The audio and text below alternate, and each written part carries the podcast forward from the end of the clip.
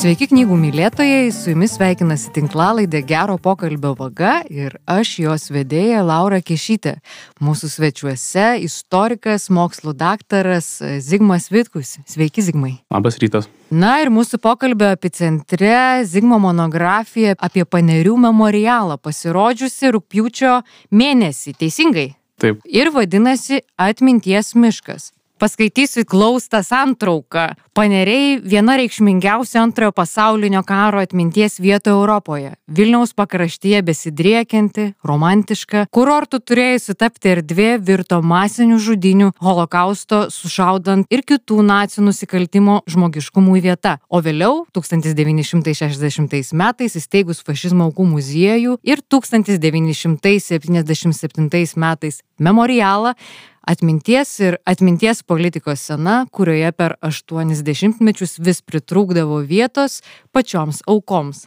Na ir Zigmai pagalvojau, kad nelaužysiu tradicijos būdingos istorikam, kalbant apie holokaustą ir pradėsiu pokalbį iš jūsų knygos trumpa Hanos Arent citata, kad būtent rytai tapo centrinė žydų kančios scena, siaubinga visų deportacijų galutinė stotele, vieta, iš kurios vargiai būta kokio pabėgimo. Na ir masinių žudinių vieta paneriuose atitinka šį apibūdinimą. Pirmas mano klausimas yra apie knygos pavadinimą. Jį sudaro du žodžiai - atminties miškas. Tai gal pradėkime nuo žodžio atmintis. Na, kas yra atmintis, apie kokią atmintį mes kalbame ir koks tas atminties santykis su istorijos mokslu? Ačiū už klausimą, iš ties e, klasikinis klausimas ir galvoju, kad atsakant į jį galbūt galėtų padėti tam tikras žvilgsnis į praeitį, būtent į šio žodžio etimologiją. Lotiniškai memorija yra atmintis arba atsiminimas, o istorija tai yra pasakojimas ir naratyvas. Ir jeigu žvelgtume dar geriau, tas graikiškasis e, žodis istorija tai yra pasakojimas ir tyrimas. Tai man atrodo, kad ta skirtis labai aiškiai parodo šių dviejų žodžių sąsają bet kartu ir skirtumą, kad vat, atmintis yra tai, kas, ką mes atsimename, o istorija, ką mes iš tų įvairių atminčių, nes kiekvienas žmogus turi savo perspektyvą, savo atmintį, padarome, tarkim, kokią istoriją papasakojame. Ir įdomus dalykas, kad dar žvilgtelint į, į graikų mitologiją, kaip žinom, kad Mnemozinė, atminties personifikacija, nuo Dzeuso pagimdė devynias dukteris, mūzas, iš kurių viena buvo klėja. Ir tai buvo herojinės poezijos globėja ir istorijos mūza. Tai galim sakyti, kad istorija kyla iš atminties, bet nėra ta pati. Tai jeigu prisimintume, klėjos simbolis yra būtent moteris su papiruso rytinėliu ir rašikliu. Tai vat, atmintis tai, ką mes atsimename, o istorija, ką vat, iš tų atminčių padarome, sukūrėme pasakojimą. Tai istorikas vėlgi mato įvairias atmintis, ima jas domėn ir iš jų sukuria pasakojimą taip ir manuoju atveju vėlgi yra daugybė įvykių įvykusių paneriuose didelių ir mažų ir iš jų sukūriau tam tikrą pasakojimą apie šitą vietą. Ir kviečiu skaitytojus diskutuoti su mano knyga su joje iškeltomis idėjomis ir mintimis. O kalbant dar apie istoriją ir atmintį man atrodo kad galima taip sakyti kad atmintis be istorijos gali tverti bet istorija be atminties ne. Kita vertus jeigu nėra istorijos, nėra istoriografijos, atmintis po keliasdešimt metų ima tarsi... Blukti? Blukti, labai geras žodis. Blukti, blukti, nykti. Tai istoriografija ir, ir kitos priemonės, ar ne, kaip, kaip tie patys paminklai, įvairūs atminimo ženklai, jie užfiksuoja svarbius įvykius, jau sakykime, istorinius įvykius ir neleidžia jiems išblukti. O žodis atmintis yra išties daug reikšmis ir yra, nežinau, daugybė įvairių apibrėžimų, bet mano knygoje tą žodį reikėtų suvokti ir skaityti kartu su žodžiu politika, kaip prašau atminimo politika, tai yra tai, ką valdžios, įvairios valdžios institucijos daro su ta atmintimi atsiminimais, kaip e, kuria skirtingas istorijos versijas ir jas įtvirtina. O kad e, su atmintimi visą laiką kas nors daroma, tai yra akivaizdus faktas, kadangi tai yra tas šaltinis, kuris padeda na, įtvirtinti, legitimuoti skirtingas vėlgi valdžias, konsoliduoti visuomenę ir apskritai suteikti prasme, sakykime, valstybei, santvarkai. Na, o žodis miškas, kuo ypatinga panerių kaip miško lokacija, kodėl jį galbūt paranki nuslėpti nusikaltimus ir kodėl šis miškas liko galbūt atminties paribiuose. Ir toks tyrimas kaip jūsų atsirado tik po ilgos laiko distancijos, štai jau įvadė apie tai kalbate, tokia yra citata paneriuose, iš ties nėra vaizduoti dirginančių objektų, standartinių koncentracijos stovyklos artefaktų, spigluotų nelegalių barakų, kamerų ir panašiai. Taip pat pasipriešinimo pavyzdžių. Todėl atminimo politikos vykdytojai ieškojo įspūdingesnių objektų. Na, iš tikrųjų, tai va tas įspūdingesnis objektas Lietuvos kontekste buvo Kauno 9 fortas, o kad tyrimas atsirado santykinai vėlai, vėlgi galima suprasti, nes istorikui reikia distancijos bet kokiu atveju nuo tyriamojo reiškinio. Kita vertus, na, mes tuos keletą dešimtmečių istorikai koncentravomės į klausimus, kas vyko antrojo pasaulinio karo metu ir holokausto metu, kur vyko, kaip vyko, nes šitos istoriografijos mes tiesiog neturėjom. Ir per dešimtį kitą metų jinai atsirado. Ir dabar galbūt atėjo laikas, na, ištirti, kur tai vyko ir kas buvo daroma su tomis vietomis po holokausto. Tai yra, ta istoriografija apie holokaustą yra turtinga, o kas vyko po holokausto, faktiškai tų studijų buvo labai mažai. Savo tyrimų pabandau tą dalį spragos užpildyti. O dėl pačios lokacijos iš tikrųjų jinai yra kebloka ir iš dalies tai lėmė panerių memorialo kaip atminties institucijos antrailiškumo, pavyzdžiui, lyginant su Pirčiupiais ar Kauno 9 fortu, kadangi jie kiek sunkiau yra pasiekti, bet būtų ir kitų priežasčių, kad ta vieta buvo, taip paprastai sakyti, kad buvo pernelyg žydiška. Beveik visos aukos paneriuose, absoliuti dauguma buvo Vilniaus žydai ir rytų Lietuvos žydai, o sovietams, kuriant savo naratyvą, reikėjo rasti tokių vietų, kur būtų didesnė aukų įvairovė. Tai pavyzdžiui, Kauno 9 fortas buvo kaip tik tokia vieta, kur buvo nužudyta įvairių tautų piliečių. Dauguma jų buvo žydai, bet kuriant naratyvą buvo labai paranku akcentuoti, kad štai čia yra žmonės iš Austrijos, Prancūzijos, Vokietijos, taip pat va, tarybiniai piliečiai pateikti tą tokį internacionalą, dialogemą sovietinių laikų. O pati vieta, sakyčiau, neseniai kalbėjau su vienu žmogum, kuris domisi istorijas, yra visiškai iš kitos ryties. Nu, jis prisipažino, kaip ir daugelis kitų, kad nėra buvęs paneriuose. Ne, net nežino, kur, kur tai yra.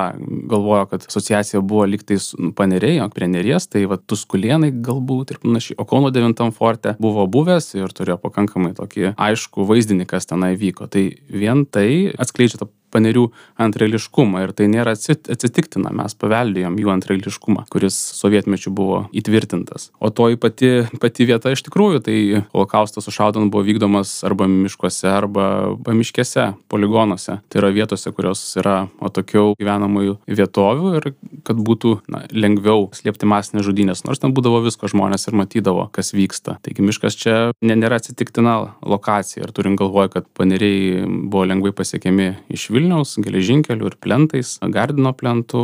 Svarbiausia be net tai, kad 41 metais sovietai tenai pradėjo kurti degalų bazę iškasė. Tas duobes suformavo. Taip, taip duobė, mhm. duobės, tranšėjas, buvo pastatų, keletas, tada teritorija apsupta spigliuota viela. Na, buvo vietovė ideali tam nusikaltimui ir faktiškai jau Liepos pradžioje buvo panaudota masinėms žudynėms. Nacijai stengiasi nuslėpti patį nusikaltimą, o sovietai deformuoti, sakykime, perkeisti nusikal, nusikaltimo atmintį. Parodyti, jog čia buvo žudomi na, tarybiniai piliečiai arba įvairių žmonės. Tai buvo visų tarybinių piliečių žudynių vieta. Užmaskuojant, retušuojant faktą, kad dauguma aukų buvo žydai ir kad šita vieta, na, visų pirma, yra holokausto vieta. Jums kalbant, aš galvojau apie tai, kad aš buvau pirmą kartą toje vietoje ir man atrodo, kad tai galėjo būti kažkas 2011, 2012 metai. Ir tiems, kas nėra buvę, tai yra pakankamai atoki lokacija, yra toksai tiltas per geležinkelį ir šiaip kyla klausimų, kaip ten privažiuoti, iš kokios pusės, ar ten saugu, tiek tokia pramoninė teritorija. Kaip patekti šiandien į tą vietą? Sakyčiau, kad paprasčiausia būtų sėsti į traukinį, e, važiuojant Kauno kryptimi ir už dešimties minučių išlipti panerių stotelėje. Tai čia būtų turbūt greičiausias ir paprasčiausias variantas. Arba važiuoti Eišiškių plentų ir atsiras nuorodos po kelių kilometrų, taip pat aplinkelių ir lydos Minsko kryptimi. Pati lokacija, kaip jinai šiandien atrodo, kas aplinkui yra? Memorialas yra supamas miško, tačiau šalia driekiasi geležinkeliai, taip pat netoliese yra, na, tokia prekybinė pramoninė zona už faktiškai na prie masinių žudynių vietos. Ir apskritai na vieta palieka tokio geležinkelio nu žinoma kad paneriai yra geležinkelių mazgas netoliese už už keleto kilometrų. Tai tokia pramoninės geležinkelių rajonas. Bet vėlgi tenai būnant pačiam memoriale iš tikrųjų tie garsai netgi geležinkelio sakyčiau kažkaip ir pabrėžia tos vietos tylą ir skamba gana įspūdingai. Juolab kad taip ir būdavo pro panerius driekiasi tas žymusis sankt peterburgo varšuvos geležinkelis. Tai jisai jisai yra išlikęs Prisipažinsiu, man šią knygą jūsų skaityti emociškai buvo sunku galvojau, kad sunkiausia bus ta dalis, kur aprašomi tie ma, tos masinės žudynės, bet skaitant toliau ir matant tą cinizmą, tą Sovietų sąjungos funkcionierių, partijos veikėjų, abejingumą, nihilizmą, tas skausmas tik gilėja. Turi laiks nuo laiko atsisėsti su knyga ir truputėlį sugrįžti į dabartį, nes tikrai sunku, bet kartu metu labai įdomu. Skaičiau lyg gerą detektyvą. Tikrai. Ir galvoju, o koks jausmas jums kaip tyrėjui, mokslininkui, na, kad ir po laiko distancijos atverti tuos nusikaltimus, prisiliesti prie tų dokumentų, ką jūs išgyvenot? Ar visgi, kaip sakoma, kad chirurgas atsiriboja nuo savo paciento, tai pavyko atsiriboti?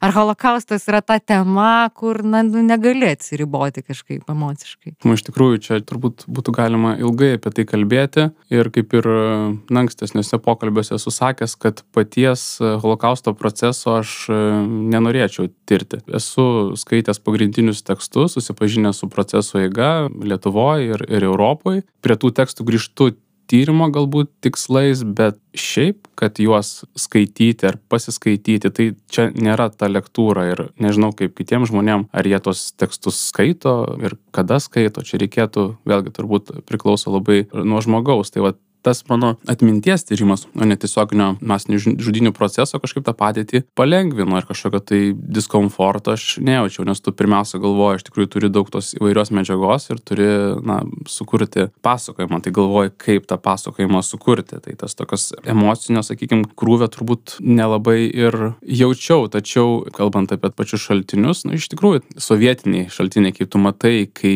kiekvieną progą stengiamasi kažkaip tai na, nuslėpti, užmaskuoti ar taip subtiliai iškreipti tai, kas yra įvykę, nestebina, bet tiesiog tu visą laiką ta mintis grįžta, ką jie su mumis darė, ką jie darė su mūsų atmintimi. Matai, kaip bandyta visai švelniai, subtiliai deformuoti, kai yra dalis tiesos, bet kartu ir labai daug tokios, nežinau, nemelo interpretacijos, iškreipimo. Ir pagalvoju, kad turėjo būti labai sunku aukoms ar aukų artimiesiems, kurie atėjo į banerius iš karto po karo ir vėliau. Ir kai tu matai tos užrašus, girdi kalbas švenčių metu, kur pasakojamas visai kitas naratyvas yra. Vengiama, tarkim, ištarti ar parašyti žodį žydas ne tik žydai, iš tikrųjų tai buvo maskuojama ir ta Lenkų atmintis. Tai sakyčiau, kad tas supratimas tiesiog patvirtino dar koks režimas mus 50 metų valdė ir kad kokią tą atmintį, fragmentišką, interpretuotą, iškriptą mes paveldėjome 90-aisiais metais. O kalbant apie tekstus, apie holokaustą, tai čia sakyčiau, kad na, reikėtų turbūt saiko. Aš, aš ne, nežinau, ar įmanoma intensyviai gyventi toje tikrovėje holokausto tekstuose, toj, toj tamsoj. Įdomu, kaip kitiem žmonėm ir aš stengiuosi to nepadauginti savo kasdienybei. Jūs knygoje rašėte, aš dabar citatos tikslios nepasakysiu, kad po tokių įvykių bendruomeniai, tam, kad jie išgyventų, pavyzdžiui, žydų bendruomeniai, vienas iš tų etapų, gedėjimo etapų, jam žinti atminti ir jie to negalėjo padaryti. Taip net rankos susvyrat, skaitai dešimtmetis po dešimtmečio ir atrodo, va čia yra kitas nusikaltimas žmogiškumui neleisti gėdėti. Tai iš tikrųjų dabar holokausto tyrinėtojai tą atminties trinimą e, ar deformacijas ir laiko kaip vienu iš ir holokausto etapų. Arba genocido etapų, ne tik holokausto, plačiau įmant, genocido mm. etapų. Tai gali pagalvoti apie savo gyvenimą, pavyzdžiui, jeigu išgyveni kažkokią tai stiprų sukretimą ir tu negali niekam apie jį pasakoti, o, o tu nori išsipasakoti, nori pasidalinti, galbūt tu nori pasakoti be galo ir tu to negali padaryti. Tu pastatai paminklą, tau sako, kad, na, čia šitas užrašas netinka, ar ne, nors tu jį dedikavai tam žmogui ar tiem žmonėms, kurie čia iš tikrųjų žuvo ir tavo įtampa tęsiasi dešimtmečius. Tai čia iš tikrųjų ir neteisybė, bet kartu ir didžiulis psichologinis krūvis, kada ta visa atmintis apie tai, kas yra įvykę, lieka tik tai tavo šeimoje. Ir tai dažnu atveju net tos temos tenkdavosi neliesti dėl to, kad na vis tiek bėga metai, ta kasdienybė reikalauja pastangų ir kad nuolat gražiuotis į praeitį, na ne visi skirtingos strategijos buvo. Vienos šeimos pasakodavo apie tai, kas įvykė, kitos iš vis tylėdavo čia tokios dvi pagrindinės kryptis. Bet vat, būtent tai, ką pastebėjot, kad tu negali išsipasakoti, o dabar įsivaizduokim apie, kalbant apie Ukrainą, jeigu ukrainiečiai neturėtų galimybės pasakoti, rašyti, verkti, tiesiog turėtų, turėtų laikyti savyje tą išgyventą neteisybę, koks tai būtų papildoma trauma. Šitą traumą po holokausto jinai tęsiasi nu, iki 90 metų, kada žmonės pradėjo kalbėti laisvai ir kalbėti daug ir visai, ir emocingai ir panašiai. Tose pačiuose paneriuose, viešųjų renginių metu ir na, viešoje erdvėje apskritai karas, kuris vyksta Ukrainoje, apskritai turbūt jo fenomenas yra tas, kad na, jis vyksta socialiniuose tinkluose ir jau dabar turbūt daugelis e, esame persisotinę tų žiaurių faktų ir šiek tiek turbūt saugodami save pasižiūrime turbūt ne taip aktyviai, kaip tai daugelis darė pačias pirmasias karo savaitės. O kaip jūs galvojat, na čia taip supuolė, kad jūsų knyga pasirodė karo metu, ar tas kontekstas jisai pridėjo knygai papildomą krūvį? Aš manyčiau, kad taip, nes vat, būtent tai ir aktualizavo netiesiogiai tą patį holokaustą ir kitus genocidus. Žinoma, kad tai yra kitokie reiškiniai, jie turi daugybę skirtumų, bet tas panašumas, kai apie tironijos smurtą prieš laisvą šalį, bendruomenę, jos niekinimas, valstybingumo neigimas ir nužmoginimas, tai vis dėlto mums primena apie tai, kas, kas yra įvykę praeitie ne kartą. Ir tai, kas vyksta Ukrainoje, bent jau man kažkaip skatina ir prisiminti tai, kas, kas vyko, na, tarkim, antrojo pasaulinio karo metu. Dabar girdėjau balsų, kad bijomasi, kad įvykiai Ukrainoje ir jų interpretacija, kalbėjimas apie tai, kaip apie genocidą tarsi sumenkins holokausto tą reikšmę, kad čia iš vis nelygintini dalykai, tai man atrodo, kad visiškai neverta apie tai kalbėti, nes nors yra skirtumų, bet taip pat yra ir panašumų. Ir kaip tik tai yra nusikaltimas prieš žmonės, nusikaltimai žmoniškumui ir, ir vienu ir kitu atveju. Ir tai kaip tik paryškina vieną kitos reikšmę per masinių žudinių Ukrainoje, prismetum vėl prisimeni holokaustą ir nuo holokausto grįžti prie Ukrainos ir kitų žudinių, tai man atrodo, kad čia nėra jokios konkurencijos, kaip tik primena apie tai, kad nieko naujo pasaulyje. Tironas nieko naujo. Nieko tironai naujo. elgesi kaip tironai.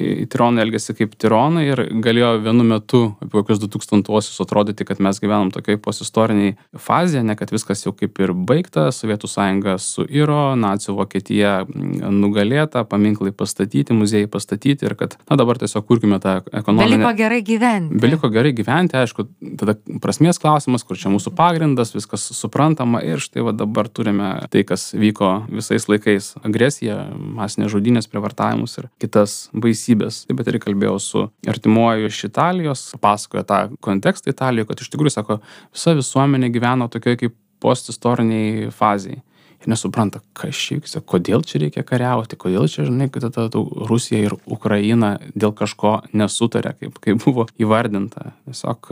Lik praeities filmas. Lik praeities, praeities filmas, betgi net, prasme, rodo, kad tai vyksta vėl ir vėl ir vėl. Tiesiog buvo Jugoslavija, buvo po to Ruanda, pauzė, nežinau, Darfūras, Rohiniai, Ukraina. Ir istorikų tas ne, ne, nenustebino, nes Rusija jau kokį 20 metų ėjo link, link to. Dalis jūsų knygos ir gal net ir didesnė dalis yra apie tai, kas buvo daroma toje vietoje, kai buvo derinami projektai paneriuose ir ten kino salė netgi galėjo atsirasti vienu metu modernių architektūros pavyzdžių būta, bent jau ant popieriaus. Zimai, o mes ir šiandien turime tas diskusijas tokiuose karštuose, skausmingose taškuose, ką su jais daryti, na, ką, ką daryti pavyzdžiui su Lukiškių kalėjimu? Ir ar čia gerai ar blogai, kad dabar yra kultūriniai renginiai ten vyksta, nes tie patys kankinimai ir žiaurūs kankinimai ir dalis kalinių į panerius iš Lukiškių keliavo.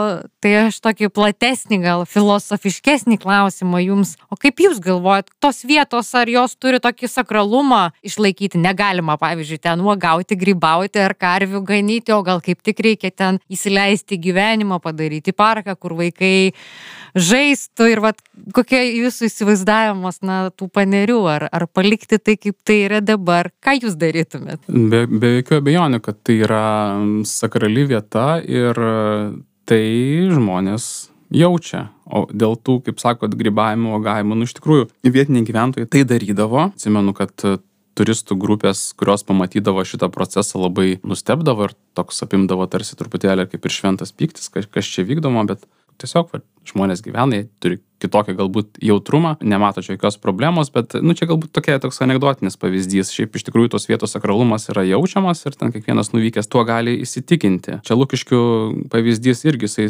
sudėtingas, svarstytinas atskirai, bet man atrodo, kad kadangi ten visą laiką buvo skirtingos funkcijos, tai gal tos skirtingos funkcijos ten galėtų būti ir išlaikytos tame komplekse. O kad memorialinė dalis turi atsirasti, tai be jokių abejonių. Bet ten kompleksas didelis, tai aš manau, kad viską galima suderinti.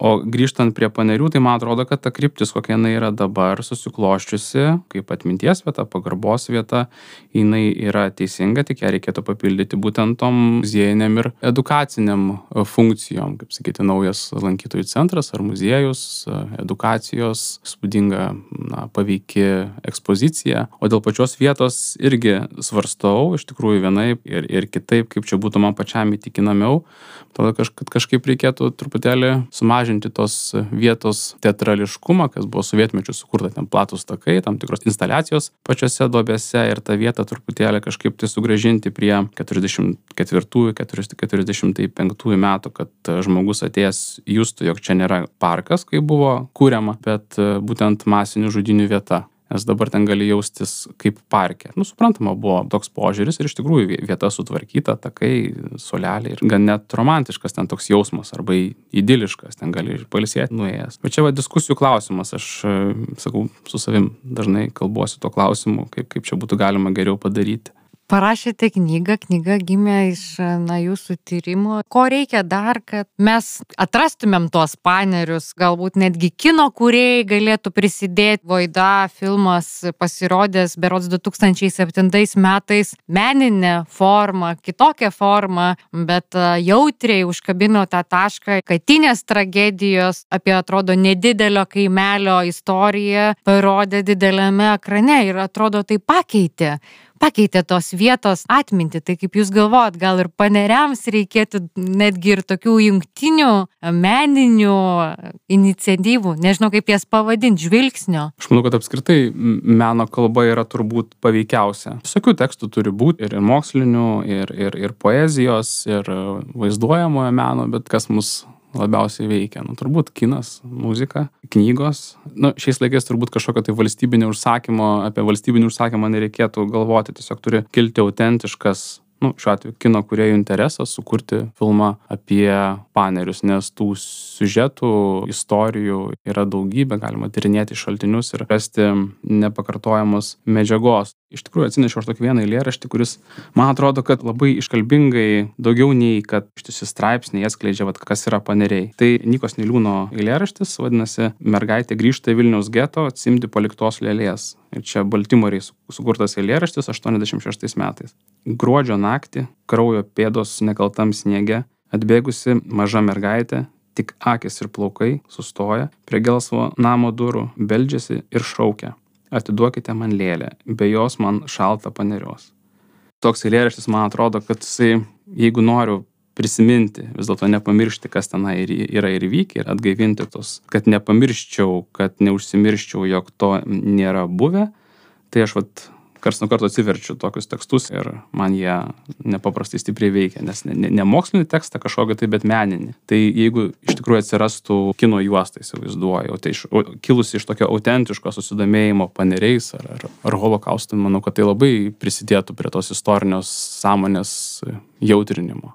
O kad to nėra, tai bus, turbūt bus.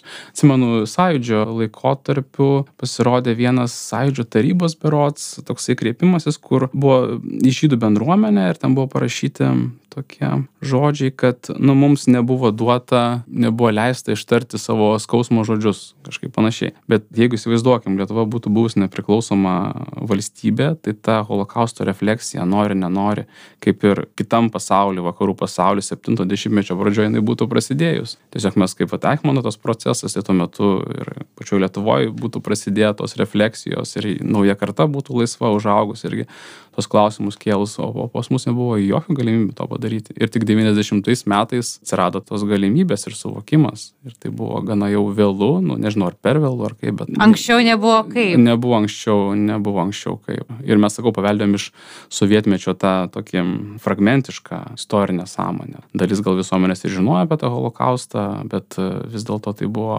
padrika ir kas, kada, kodėl ir kaip kažkaip na, viena yra knygose skaityti, kita yra, kai apie tai pasakoja tavo seneliai, tavo tėvai ir jau 90-ais buvo jau kelios kartos vis tiek pasikeitė. Ir klausimas, kaip pasakojama apie tai iš tikrųjų, kas apie tai pasakojama, nes, pavyzdžiui, mano tėvas, jisai kaunietis, jisai žinojo ir apie lietūkio žudynės, ir žinojo apie ten Viljampolį žudynės, Kauno 9 fortą, bet tiesiog žinojo tokį faktą, kad ten buvo žudomi žydai ir va tiek, ar ne?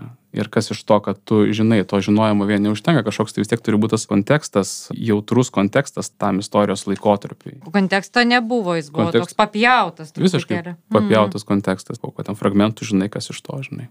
Man šitą irgi pasakojo, matė, kaip e, gyvena tauragiai, e, ant kalvos stebėjo, kaip veža kelių sunkvežimiuose žydų vyrus už miško, nuveža ir išgirsta šūvius ir tie sunkvežimiai grįžta tušti ir prisimena, kaip moteris meldėsi, stovėdamas ant kalvos. Toksai išlikęs pasakojimas. Tai irgi išgyventa, bet tai yra toks kaip ir vienas fragmentas. Ne, o kas, kaip čia, kodėl.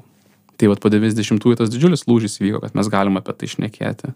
Tai tai, kas vakaruose prasidėjo 70-mečio pradžioj, pas mus prasidėjo 90-aisiais, kaip ir, kaip ir daugelis kitų procesų. Turiu paskutinį klausimą susijusiu su knygų rekomendacijom. Tai jeigu tokių turite ir nebūtinai mokslinių, istorinių, gali būti ir grožinė literatūra arba koks nors labai traukus detektyvas, tai prašau pasidalinti su mūsų klausytais. Siūlyčiau imtis dienoraščių, jeigu mes norim suprasti iš tikrųjų, kas vyko ir kaip žmonės išgyveno antrojo pasaulinio karo metu, holokausto metu, tai siūlyčiau perskaityti Kazimiero Sakovičiaus dienoraštį. Ten bus labai tokia sunki lektūra, bet tai yra Lenkų žurnalisto, kuris gyveno paneriuose karo metu dienoraštis diena po dienos. Tada taip pat Matildos Olkinaitės jaunos poetės dienoraštį irgi išleista nuostabiai neseniai. Tada Coko Rudaševskio dienoraštį, Hermano Kruko dienoraštį, o iš, na, tokių prisiminimų ir refleksijų, sakyčiau, gal Primo Levi, italo knyga Jei tai žmogus tokia labai, sakyčiau, reflektyvi, refleksyvi knyga apie holokaustą. Jis pats buvo Aušvico ir, ir kitų koncentracijos stovyklų kalinys, jam pavyko išgyventi ir po to jis savo tą gyvenimą skyrė būtent pasakojimams ir mokiniams apie tai, kas įvykė. Poezija taip pat, vėlgi, dabar čia atsinešiau lietuvių poetai apie holokaustą. Mirtis, recitatyvas ir mėlynas drugelis. Vagos. Leista knyga, Sigito Gedo sudaryta 99 metais tai čia iš tikrųjų skamba daug alternatyvių balsų apie holokaustą, kai tu negalėjai rašyti istoriografijos apie holokaustą objektyvios, bet poetai sugebėdavo pasakyti. Rasti nišą. Rasti mhm. nišą ir kalbėti apie žydus taip pat geltoną žvaigždę. Taip pat galbūt dar Itchoko mero knygas, čia iš pačių žydų perspektyvos, galbūt tiek pradžiai. Tai nemažai, vis tiek. Nemažai. Kaip pradžiai, nemažai. Ačiū Zigmai už pokalbį. Kviečiu klausytojus skaityti jūsų knygą, pabūti su ta tema ir ką aš sakau, turbūt iki kitų susitikimų kitose formatuose. Ačiū, kad pakvietėt pakalbėti.